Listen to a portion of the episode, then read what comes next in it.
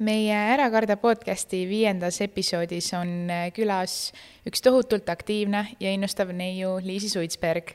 Liisi on üheksateistaastane neiu, kes on pärit äh, sellisest Eesti kuurortlinnast nagu Haapsalu. Äh, erinevalt teistest noortest, kes meil podcastis käivad, ei ole Liisi sportlane. ta on tudeng ning kirjanik. samuti on osalenud ta väga palju erinevates ennast arendavates projektides, kuid kõigest järgemööda. tere, Liisi! Tere!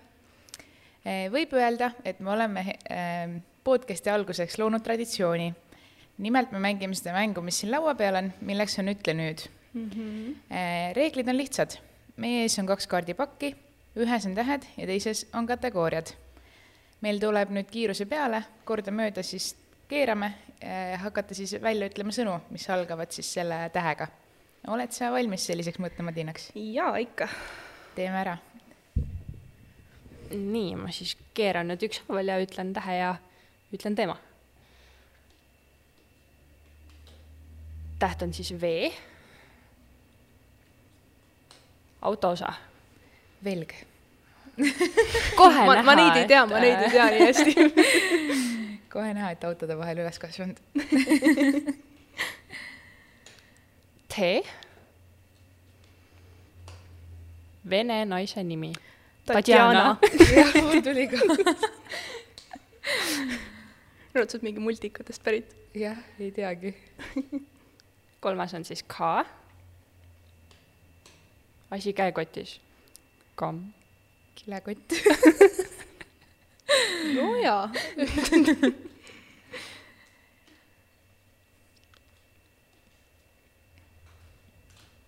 U meigitoode.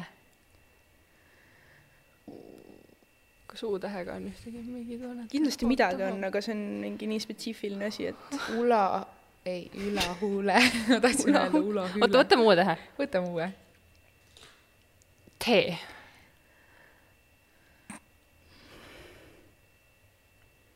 mul tulevad pähe ainult taimed. jah, sama. okei okay,, võtame siis, teeme viimase võtame siis katsena. veel, jah. E. ema ripsmedušš. näiteks, väga hea hästi. Lähme nüüd aga saate juurde. kuidas sa tutvustaksid end kuulajale, kes, kellel pole õrna aimugi, kes on Liisi Suitsberg? Äh, mu iga kord see nii-öelda, kui on nii-öelda need mängud, et ütle oma nimi ja üks lõbus fakt enda kohta, siis mul on alati see, et tere, ma olen Liisi, ma olen kirjutanud raamatu ja ma olen jäänud enamustes seltskondades kõigile väga hästi meelde niimoodi.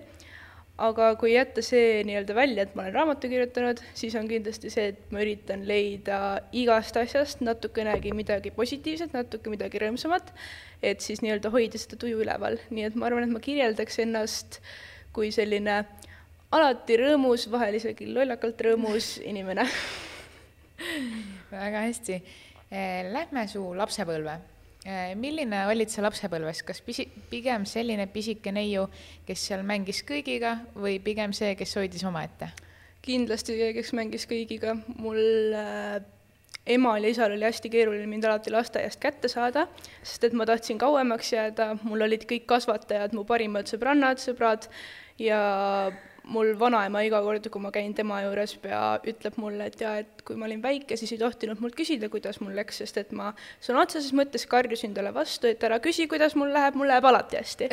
ehk siis nagu ma olin alati see nii-öelda tiimijuht niimoodi, samamoodi mul isa meenutas, et kui me elasime korteris veel, siis ta vaatas ükskord aknast välja ja siis olin mina liivakasti ääre peal, rivistasin kõiki endast vanemaid järjest niimoodi üles ja siis jagasin seal nii-öelda käske. et siis nagu kogu aeg selline hästi suhtleja ja selline lõbus inimene, ma arvan. aga mis on see üks asi, mis sa oma lasteaiast, nii-öelda lasteaiakaaslastest lasteaiast kõige paremini mäletad? kõige eredam mälestus, mis mul sealt on, on see, et kui mu suur vend kinkis mulle tiigri ja ta oli selline tiiger, kellel sai nagu nina nöpsutada niimoodi, et ta tegi nii-öelda väikest häält. ja siis ma alati võtsin ta kaisu, kui ma läksin magama. ja siis ükskord ma hakkasin teda samamoodi nii-öelda seda nina seda häält tegema, aga siis ma panin kuidagi käe selle tiigri peale ja siis ta läks sealt ülevalt nagu õmbluseks lahti. ja see oli mingi, ma arvan, et ma olin mingi nelja-viieaastane ja see oli lihtsalt maailma lõpp siis ja mu kõige kallimad kasvatajad, kes seal olid, Eve ja Riina, siis nemad tulid minu juurde, alguses ei saanud mitte midagi aru, läbi nutu ei saanud aru ka, mis ma ütlesin, ja siis nad võtsid selle tiigri, võtsid minu, me õmblesime koos selle kinni, nad õpetasid mulle ka, kuidas õmmelda, heegeldada ja kõike seda, ja siis ma sain rahulikult magama minna. et see on kõige-kõige eredam mälestus sealt, kui lihtsalt armsad need kasvatajad olid. jah, ja kaisukud on selles eas kõige tähtsamad. oo jaa. kui nüüd edasi liikuda kooliikka, siis teame, et oled välja andnud oma noorteromaani, aga kuidas see juhtus, sa olid ainult kuusteist? vot see oli päris huvitav asi minu endagi jaoks äh,. mul ei ole väga palju sellist enne kirjutamiskogemust olnud, et ma väiksena kirjutasin ühe nii-öelda mingi kaheleheküljelise asja ühele konkursile, aga siis mu isa jaoks oli see nii naljakas ja siis mulle ei pakkunud see enam rõõmu, sest et ma arvasin, et ma kirjutasin midagi tobedat ja siis ma jätsin kirjutamise nii-öelda noh, tahaplaanile, et see juhtus siis algklassides. aga siis gümnaasiumis või oli gümnaasiumis ikka, ma nägin ühte unenägu ja ma olin just lugenud kuskilt, et kõik unenäod, mida sa näed, võiks üle, üles kirjutada, sest et siis sa tead ja nagu hakkad neid paremini nägema ka. Ja siis, kui ma seda und nägin, siis ma kirjutasin ta kohe hommikul üles, aga siis ta jäi kuidagi mul ketrama, jäi ketrama, jäi ketrama, siis ma mõtlesin, et okei okay,, aga kui ma oleks edasi maganud, mis oleks siis saanud? Ja siis järsku oli mul juba mingi päev-kaks hiljem kümme lehekülge ja siis sealt läks ta ainult edasi, edasi, edasi, edasi, edasi ja siis lõpuks oli nagu me teame, kaheksakümmend kaks tuhat sõna. et see oli selline õnnelik õnnetus ehm, rääkides veel raamatu kirjutamisest, siis mis on see õppetund, mis sa selle kirjutamise protsessist õppisid?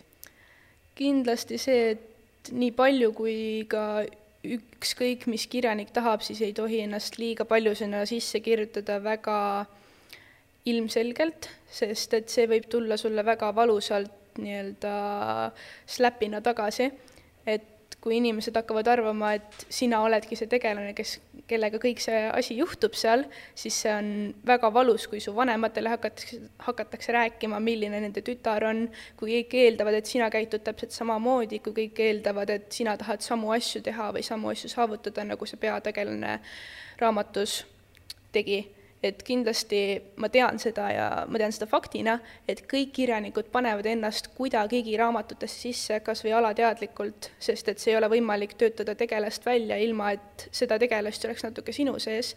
aga oligi, et liiga isiklike asjade nii-öelda kirjutamine raamatusse võib nagu väga valusalt kätte maksta mis äh, raamatu kirjutamise juures kõige raskem oli selline väljakutse um,?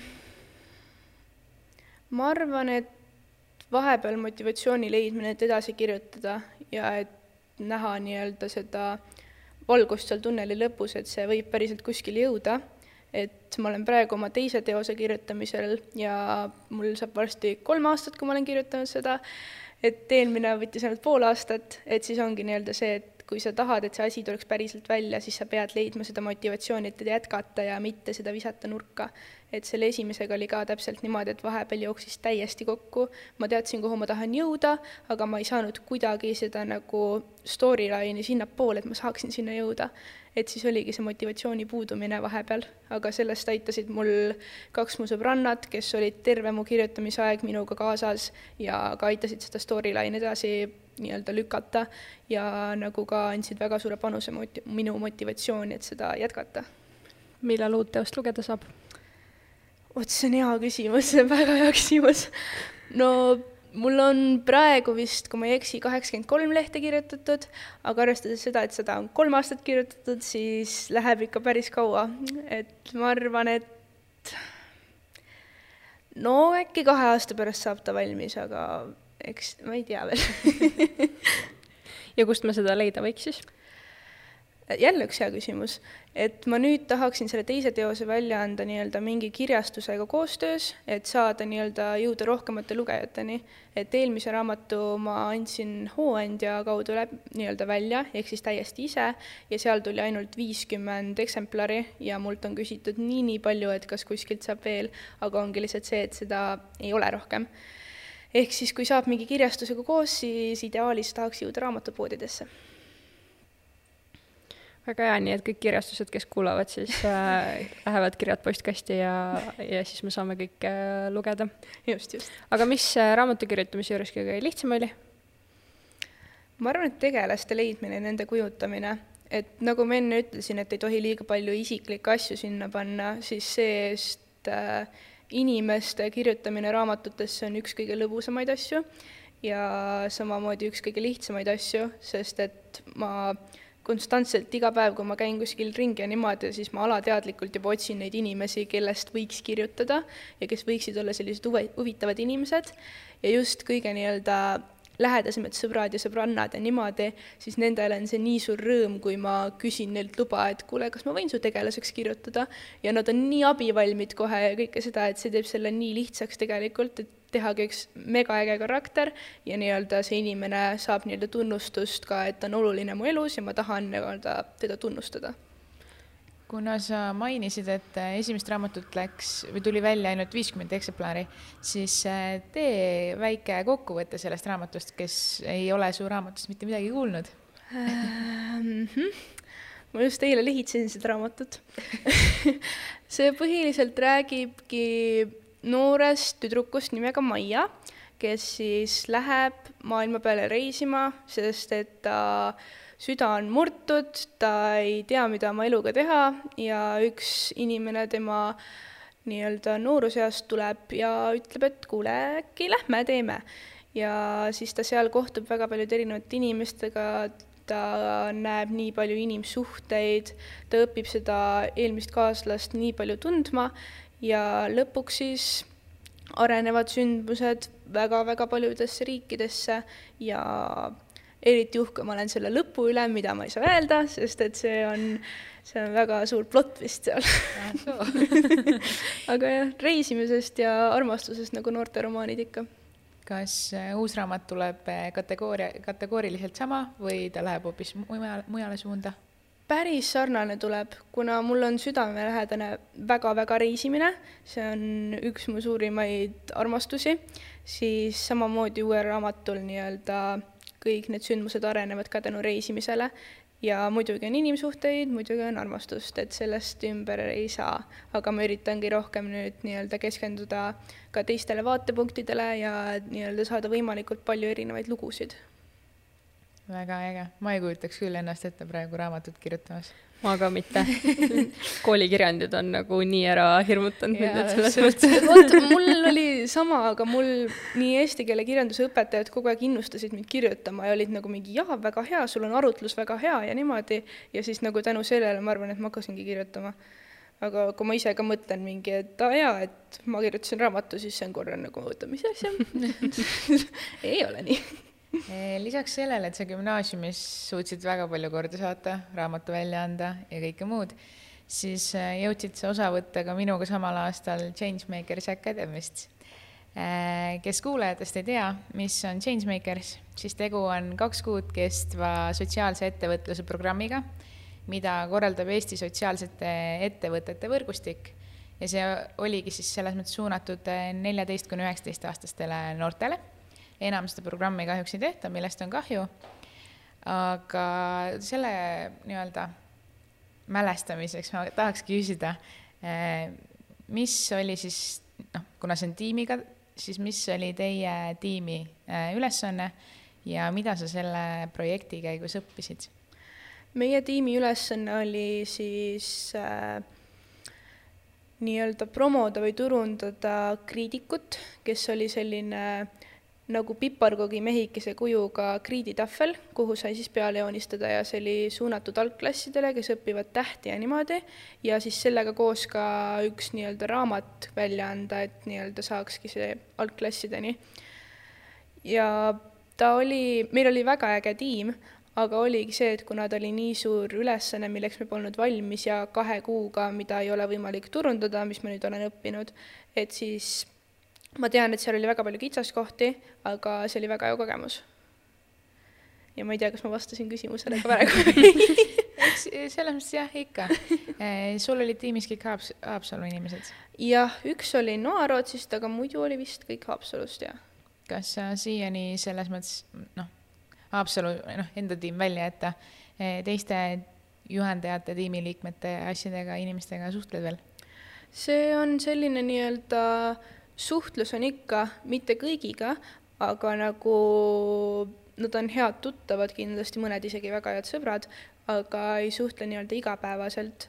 aga samas ma tean, et oma mentori poole ma saaksin pöörduda igal hetkel, sest et ta oli tõesti hästi-hästi soe inimene, hästi mõnus inimene, et nagu ükskõik, mis probleem on, ma arvan, et ma saan tema poole alati pöörduda ja kui seda programmi kunagi uuesti tegema hakatakse, kas ikka soovitaksid inimestel minna? Ma arvan küll, sest et ma olin alguses ja ka lõpus ise väga skeptiline selle suhtes, aga nüüd, kui ma tagasi vaatan, eriti veel oma eriala valiku pärast, siis ta oli väga hea programm, et kui ma oleksin sellest võib-olla rohkem teadnud ja mitte nii-öelda pea ees lihtsalt sisse hüpanud, nagu mul kombeks oli tol ajal, siis ma arvan, et ma oleksin sealt hoopis rohkem saanud kasu. Äh, lisaks oled sa käinud ka Erasmus äh, plussi ning Nord plussi projektides kui äh, seitsmeteistkümneaastane noor mõtleb praegu, et äh, kas see oleks hea mõte, siis äh, mida talle soovitaksid? sada protsenti minge tehke möllake, see on nii äge.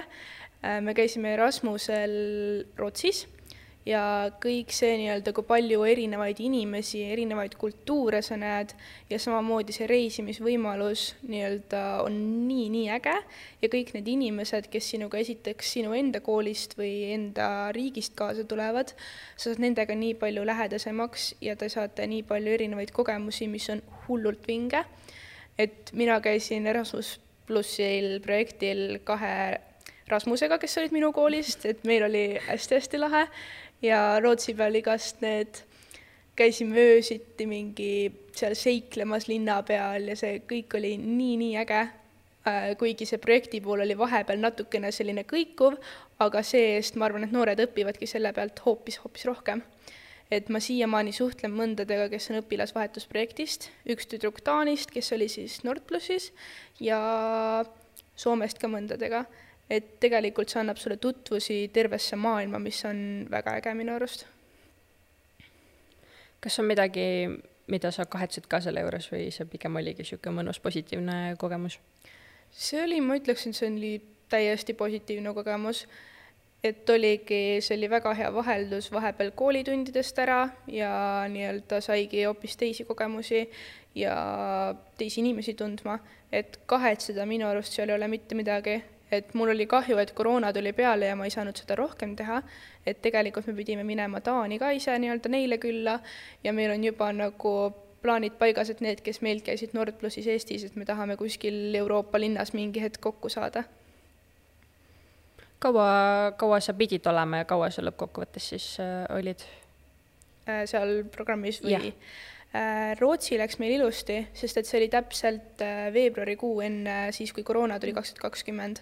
et siis me olime seal, olime minu arust seitse või kümme päeva, midagi sellist.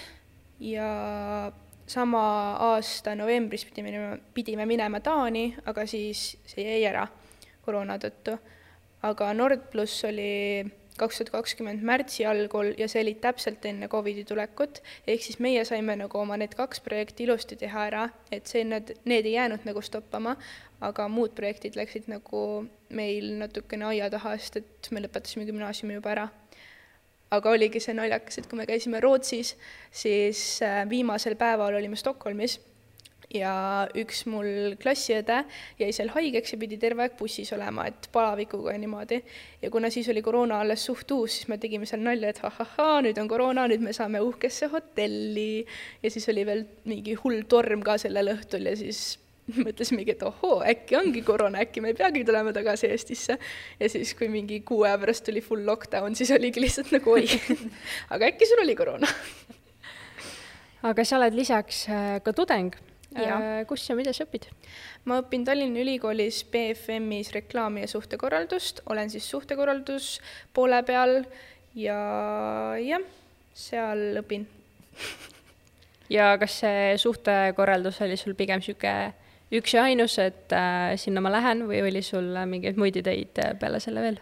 Mu ülikooli minek oli väga kaootiline, sest et ma teadsin, et ma tahan kohe minna edasi õppima, sest et mulle meeldib koolis, mulle meeldivad, mis inimesed seal on ja niimoodi, aga ma absoluutselt ei teadnud, mida ma õppida tahaksin. ja see oligi niimoodi, et ma, see oli mul valikus samal aastal, kui ma pidin minema talvel aga siis ma kuulsin selle kohta, et noh, ma ei teagi nüüd, et kas see on ikka õige valik ja niimoodi ja siis jäi mul tahaplaanile. aga siis üks mu hea sõber ütles mulle, et tema läheb nendele katsetele ja siis ma mõtlesin, et okei okay,, noh, miks mitte. ja ma kandideerisin veel ühele erialale, ma sain mõlemasse sisse ja selle teise eriala vestlusel ma ütlesin, nad küsisid, et noh, et kui sa saad mõlemasse sisse, kumba sa tuled, siis ma ütlesin, et ma lähen sinna erialale. Ma ei läinud sinna erialale, sest et ma sain äh, suhtekorralduse vestlusel aru, et tegelikult see on minu jaoks see õige, kuigi ma ei teadnud täpselt, mis ma õppima hakkan, sest et see on nii uus ikka veel Eestis, aga oligi see, et kui ma sinna läksin, siis ma arvan, et minu vestlus oli mingi viis minutit ja siis ma kuulsin pool aastat hiljem, et kõikide mu kursakate vestlus oli vähemalt viisteist minutit olnud. et siis mul oli korra nagu väga selline, mis, jah, mis ma tegin. aga jah, õige valik oli ja jälle õnnelik õnnetus, mul kipub neid päris palju juhtuma. Aga miks sa BFM-i kasuks äh, otsustasid? oi, see oli mul suur unistus, ma ei tea isegi miks, aga lihtsalt see, et see nimi BFM oli minu jaoks juba nii nagu selline mingi ülistus või selline asi, et nii äge on seal õppida ja kõike seda, et ma tahtsin sinna kogu aeg minna, aga ma isegi ei teadnud, mis erialale, aga lihtsalt BFM ja siis, kui ma saingi sinna, siis see oli, see oli nii tore lihtsalt. ja kas sa oled nüüd oma erialaga rahul või pigem äh, kahetsed? Äh,? ma olen ikka rahul, et meil läks nüüd see eriala, meie oleme viimane aasta, kes saavad tasuta õppida, see läks nüüd tasuliseks, ehk siis sellest on kahju, aga see annab veel meie nii-öelda kursusele eriliselt motivatsiooni juurde, et see ära lõpetada et kuna ta on nii, nii lai ala, siis nii-öelda sellega tööd leida on arvatavasti suht lihtne ja ka saab teha seda, mida sa päriselt armastad, et sul ei ole ühte kindlat, et kui sa lähed automehaanikuks, siis sa oled automehaanik. et nagu see on hästi-hästi lai, et arenguvõimalusi on ja kindlasti igav ei hakka kui to äh, küsida tohib, siis mis see teine eriala oli, millele sa ütlesid jah, sinna ma lähen, aga ei läinud? see oli eripedagoogika, et mul on äh, perekonnas hästi palju õpetajaid, pedagooge ja ma mõtlesin, et noh, ma saan lastega väga-väga hästi läbi, ma olen lapsehoidja olnud väga-väga pikalt. Ja oligi see, et mul lõplik otsus, kui ma sain teada, et ma sain mõlemasse sisse, tuli äh, Haapsalu Selveris, seal puldikassa juures, kui ma ühe oma, või no mitte ühe oma, vaid enda kaheteistkümnendikuga, kes siis nii-öelda mind ristis, saime seal täiesti lambist kokku ja siis ta ütles mulle, et ei, ei, ei, ei, ei, mine sina suhtekorraldusest, et tema ei saanud suhtekorraldusse vist sisse või ta ei kandideerinud isegi. ja siis ta tahtis kindlasti, et mina läheks. nii et jah, mul tuli lõplik otsus Selveris äh, äh, oskad sa mõne praktilise teadmise välja tuua, mida sa loengutest saanud oled? Äh, loengutest ma ei teagi, aga, või noh, kindlasti tean, aga mulle jäi kõige paremini meelde seal samal vestlusel, mult küsiti üks küsimus, mis oli erialane ja see oli see, et äh, mis on kõige olulisem suhtlemise juures. kas teie oskaksite vastata? see on üks sõna. et mõlemad osapooled tunneksid ennast hästi mõlemad äh, korda küsimust mis on kõige oluline, olulisem suhtluse juures? kohalolu. jah, ma ütleks sama. vastus oli kuulamine okay.. No. ja noh, kommunikatsiooni ja suhtluse juures, siis see oli minu korra nii-öelda täitsa vait, siis nad ütlesid ka, et ei, ei, selleks sa oledki siin, et sa hakkad seda kõike õppima. aga ma pakkusin sama asja ja siis see mulle kõige-kõige eredamalt meelde jäänud kõikidest nendest asjadest. jah, väga äge e,. oled ka Eh, BFM-i üliõpilasnõukogus. kas sa oled lihtsalt liige või sul on mingi ametinimetus ka? ma olen juhatuse aseesimees ja see oli jällegi niimoodi, et äh, sügisel, kui ma läksin BFM-i, siis mu üks kursavend Ott taris mu sinna meediumi koosolekule kaasa, et meedium on siis selle üliõpilasesinduse nimi ja peale mingi ühte-kahte koosolekut, meil on siis kuus üks koosolek, ütles ta mulle, et vot tema tahab saada selle juhatu-, selle nõukogu esimeheks ja ta tahab seda see aasta juba. mina olin teinud sellel sügisel või noh, öelnud sellel sügisel sellise lause, et mina ei taha üliõpilastööd teha, mina tahan lihtsalt õppida. Ja siis, kui Ott ütles seda, et tema tahab minna esimeheks, siis ma olin nagu, no ma ei saa kehvem olla, ma tahan siis aseesimeheks tulla. ja siis oligi detsembris ütles eelmine juht meile, et me oleme tema kaks lemmikut, sest et me tegime pannkugi hommiku. BFM-i pannkugi hommikud on kõige ägedamad asjad üldse, nii et tulge kindlasti. Äh, ja siis kevadel, kui seesama juht kirjutas meile Otiga, et noh, kas tahate nüüd tulla, teeme värki, siis Ott ütles kohe, et jaa, davai, ma mõtlesin, et no tead, sügisel sai öeldud midagi.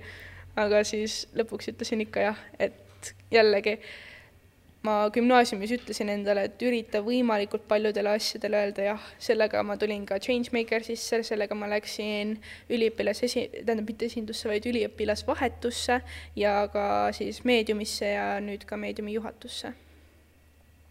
Jah, üks lihtne jah päevas võib sind ükskõik kuhu viia oh, jaa. sa küll gümnaasiumis ei olnud esinduses, aga noh, oled ju ikka semmoist aktiivne olnud ja tead täpselt, kuidas eh, seda tööd tehakse. mis sa arvad, mis sinu jaoks on see suurim erinevus ülikooli ja gümnaasiumi üliõpilasesindustes? gümnaasiumis hoitakse minu teada rohkem kõigel silma peal, ülikoolis on rohkem see, et teil ongi see üliõpilasnõukogu on täiesti õpilaste oma, sinna satub harva mõni õppejõud või mõni kooli, koolitöötaja, et seal ongi nii-öelda, see on täielikult üliõpilaste oma ja seal me teeme kõike ise, ehk siis noored teevad ise. gümnaasiumis on ikka see, et on kas huvijuht või keegi, kas, kes seal nii-öelda neid nööre tõmbab, aga nagu ülikoolis ongi see, et noored teevad, noored tahavad ja noored kõike korraldavadki. Väga äge, mis on sul nüüd viimane üritus, mida korraldasid? Äh, viimane, mis me tegime meediumiga, oli minu arust kevadine pannkugi hommik, et meil on kaks korda aastas pannkugi hommik, mis on siis eksamisessiooni ajal, et anda üliõpilastele selline mõnus hommikune lüke, et alustada oma eksameid ja see oli, issand, see oli maikuus minu teada ja meil oli väga-väga tore, see oli esimene päris, päris soe päev, niimoodi, et terve see BFM-i selle uue maja esine oli rahvast täis, meil muusika mängis, pannkogid küpsesid, väga hea lõhn oli õhus, kõigil oli väga tore. jah eh,, miks sa liitusid üldse üliõpilasnõukoguga? nagu ma ütlesin, siis see oli minu kursavend Oti süü, et ta lihtsalt tema läks, tõmbas minu kaasa ja siis kuna sealt tulid sellised väga ahvatlevad pakkumised, et mida sa saad üliõpilasnõukogus teha ja mis on minu kõige suurim soov, on see, et ma saaksin võimalikult paljude inimestega tuttavaks, et nad teaksid mind, et mul oleks võimalikult palju tutvusi ja oleks nii palju erinevaid inimesi ümber, kui saab, siis nad ütlesid meile, et üliõpilasnõukogus saab seda ja saab ka kõike muud et üks kõige suurimaid punkte oli seal, et saab pidu, et noh, see oli ka kindlasti üks suur motivaator, aga eks ülikoolis ongi see, et sa tutvud selliste ägedate inimestega enamasti kõikidel nii-öelda sellistel suurematel üritustel ja kus on hästi palju inimesi koos. et jah, Oti süü ja siis inimeste süü aga mis on see üks üritus, mida sa kindlasti nüüd oma nii-öelda tudengikarjääri ajal korraldada tahaksid? Äh, kindlasti, kindlasti, kindlasti ma tahan pannkogi hommikuid teha, sest et need on tõesti väga mõnusad üritused ja pannkogid on alati väga-väga head. ja teine asi, mida ma tahaks teha, on mingi palli või gala või midagi sellist korraldada ja olla seal kas õhtujuht või midagi sellist, sest et ma nii naudin tegelikult inimeste ees esinemist ja rääkimist ja eriti veel, kui mind päriselt kuulatakse ka aga räägime tulevikust natukene. kellena sa tulevikus ennast äh, näed? viimasel ajal on mul selline nii-öelda naljaga tulevik ja siis on mul nagu üks selline, mis on mu lõppeesmärk, mis on ka natukene niimoodi selline naljakas, et ma hoian oma kaardid suht avatult, aga ma kirjutasin just ühe tunni jaoks essee, kus oli vaja rääkida ühe firma siseelust. ma valisin selleks Lego grupi ja ma uurisin sellest nii palju tundide viisi ja ma olin lihtsalt nii imestunud kõigest sellest, kui äge seal on ja niimoodi, nii et äh, peale seda ma tahaks ideaalis jõuda kunagi Lego grupi sinna sisekommunikatsiooni töö peale, mis oleks minu arust väga äge. aga jah, ma arvan, et midagi kas sellise loovusega seotud, ikkagi enda erialal, ehk siis kommunikatsioon ja loovus, või siis teater või film või midagi sellist. Ja siis see teine asi, mis mul on lõpp-lõpp eesmärk, on see, et mul oleks suur maja, millel oleks suur aed, kus mu kaks kuldset retriiverit saaksid ringi joosta kuna su eriala on selline päris pi-, pika nimega, siis äh, kuidas sa ütleksid, kelles, kes siis sinust nii-öelda paberite põhjal saama peaks? Ma vaatasin selle enne seda podcast'i tulekut igaks juhuks igalt poolt internetist üle, sest et meilt, meilt küsitakse seda pea igas tunnis, kus me alguses läksime esimesel aastal. ja põhiliselt kõige lihtsam seletus sellele on see, et suhtekorraldaja on inimene, kes suhtleb äh, nii ettevõttes endas kõigi töötajatega, kui siis ka kommuniki-, kommunikeerib ettevõtte soove, tegusid ja saavutusi meediale. Ehk siis nagu ma arvan, et Ameerikas on väga tuntud sõna nii-öelda pressiesindaja, et Eestis nii-öelda päris pressiesindajat ei ole vaja, aga ikkagi nii-öelda see, kes edastab meediale kõike seda, mis ettevõttes toimub ja vastab äh, vastavatele küsimustele. Väga hästi, nüüd ühesõnaga, kui pressiesindaja töö meeldib, siis see on see eriala kas äh, sul on mingisugune projekt äh, ka tuleviku osas silme ees, mida sa kindlasti tahaksid äh, ära teha? meil on praegu sügisel tulemas projekt koos Euroopa teiste filmikoolidega, mis on siis nii-öelda meie enda traditsiooni BFM Talks, mis on TED Talksiga väga sarnane, koostöös mis on siis Film EU Talks. see on äh, üle Euroopa mitme meie sõprusülikooliga või noh, koostööülikooliga koostöös, mis siis nii-öelda ongi TED Talksi selle formaadiga, ainult et me nii-öelda tahamegi seda teha laivis ja kutsuda külla nii-öelda inimesi ka nii-öelda podcast'i raames põhimõtteliselt, aga veidi teistmoodi ja nii-öelda siis laivis näidata seda ka teistes riikides. et see saab toimuma niimoodi, et umbes igas kuus on äh, üks see osa ja see toimub nii-öelda siis umbes no viie-kuue ülikooliga, et iga ülikool teeb kaks osa aastas ja nüüd sügisel saabki niimoodi, et meie BFM lükkame selle käima oktoobris, kui kõik läheb õigesti. väga äge. siis on pinget ka ikka õhus piisavalt. oo jaa ei, see tundub tõesti äh, äge ja ma kavatsen küll silma peal hoida sellel. Õige, õige. aga me rääkisime enne natukene õpilasvahetusest ja reisimisest ka, kuidas sul äh, reisimisega lood on, oled sa palju reisinud? me väiksena reisisime perega päris palju, me käisime autoreisidel näiteks Tšehhis ja Norras, et sealt on mul väga palju ägedaid perega mälestusi. nüüd suuremana ongi nii-öelda jäänud see veidi unarusse, sest et äh, gümnaasiumi ajal, kui ma oleksin pidanud minema vist kolmele-neljale reisile, tuli täpselt Covid peale ja siis kõik need jäid ära, aga nüüd just see aasta ma käisin Pariisis, mis oli imeline, me käisime veebruaris seal, siis ei olnud nagu turistihooaeg ja siis sai kõike nii-öelda vaadata ja põhimõtteliselt mitte ühtegi järjekorda, et see oli väga-väga äge, aga ma ei ole veel nii-öelda päris rahul sellega, kui palju ma reisinud olen, ma tahaksin tunduvalt rohkem teha ja tunduvalt rohkem näha, aga nii-öelda ongi, tänapäeva maailmas on see natukene juba keerulisem, et kuna hinnad kõik tõusevad ja niimoodi.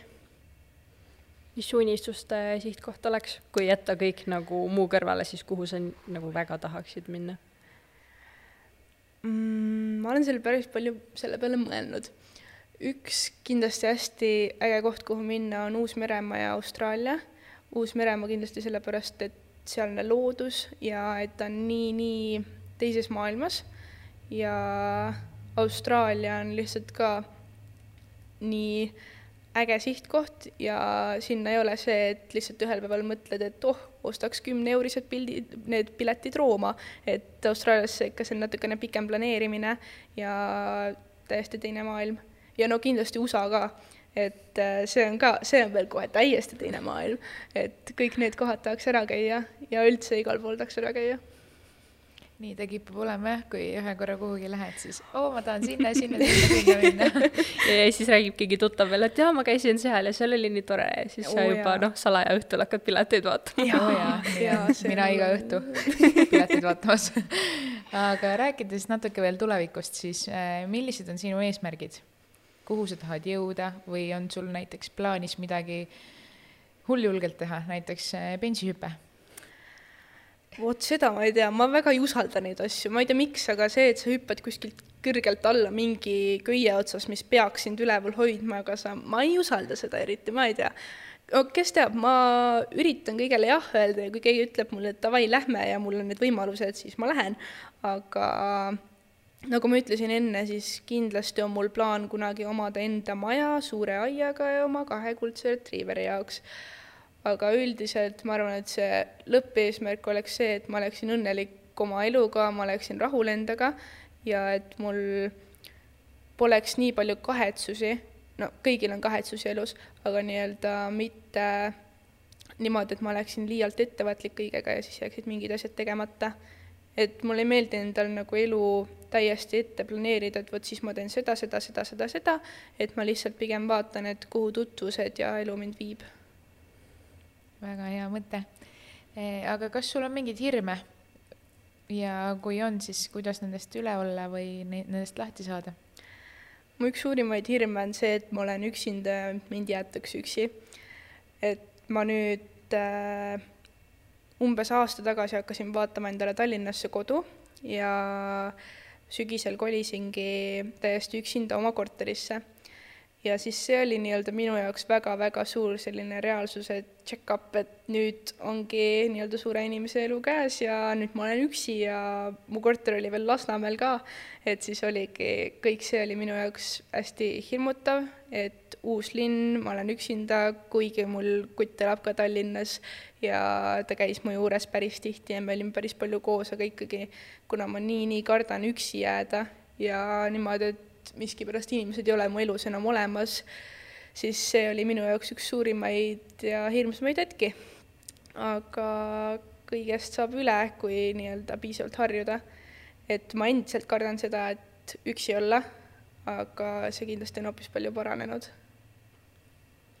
nii on jah. ma võin omast kogemusest öelda, et ma kolisin ka sügisel Tartusse ja sellega võib-olla aitab see, kui õppida iseendaga aega veetma ja. ja teha igast ägedaid asju, sest tegelikult ise yeah., ise saab endale väga ägedaid tegevusi ka veel. ja just, tulebki leida endale võimalikult palju tegevusi, minul aitas väga see, kui ma leidsin endale töökoha, sest et see motiveeris mind niimoodi, et noh mm., kui mind mitte kuskile mujale ei oodata, siis ma tean, et mind tööle oodatakse.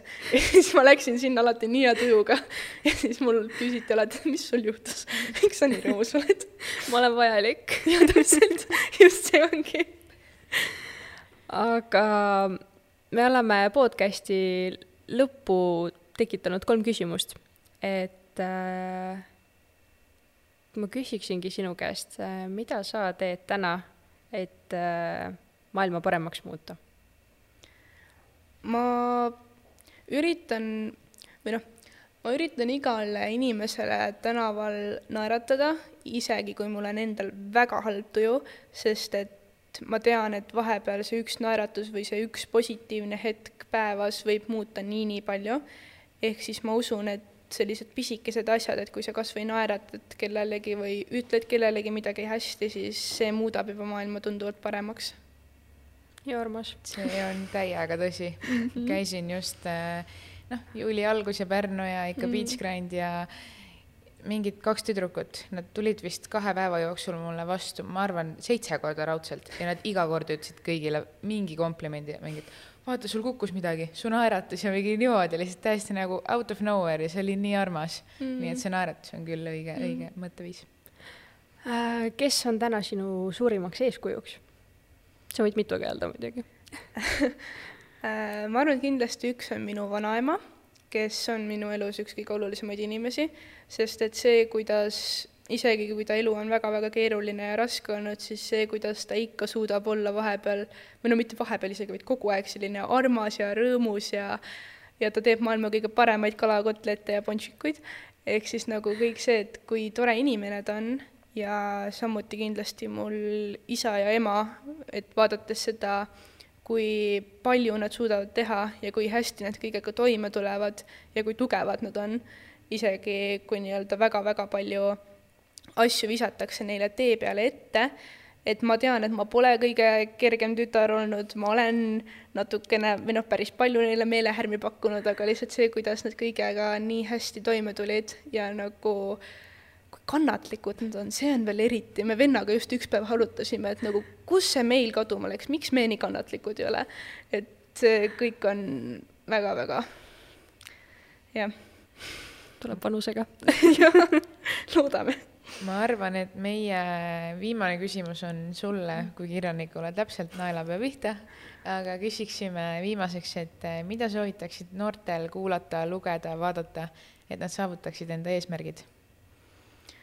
Ma arvan, et kuulata, vaadata kõike, mis sinule endale meeldib ja teha seda täiega et mitte minna nii-öelda kaasa niimoodi trendidega, et mis on praegu populaarne niimoodi, vaid jälgidagi seda, mis sinule endale meeldib, mis sinule pakub rõõmu, mis sind ennast huvitab, sest et su sõber võib kuulata midagi väga ägedat ja väga huvitavat, mis on tema jaoks huvitav, aga kui see sinu jaoks ei ole huvitav, siis see ei pruugi sind arendada. et kindlasti kuulata ka teisi vaatepunkte ja peabki kuulama teisi vaatepunkte, et saada nii-öelda aru, mis maailmas päriselt toimub ja näha teisi vaatepunkte, et olla empaatiavõimeline, aga ikkagi jälgida kõige rohkem seda, mis on sinule oluline, et saada oma eesmärgid kätte no ja muidugi Liisi Suitsbergi nimelist raamatut ka oh,. absoluutselt, jah, see, ootame järgmise osa ära ja siis vaatame jah, sest praegust enam kuskilt ei saa.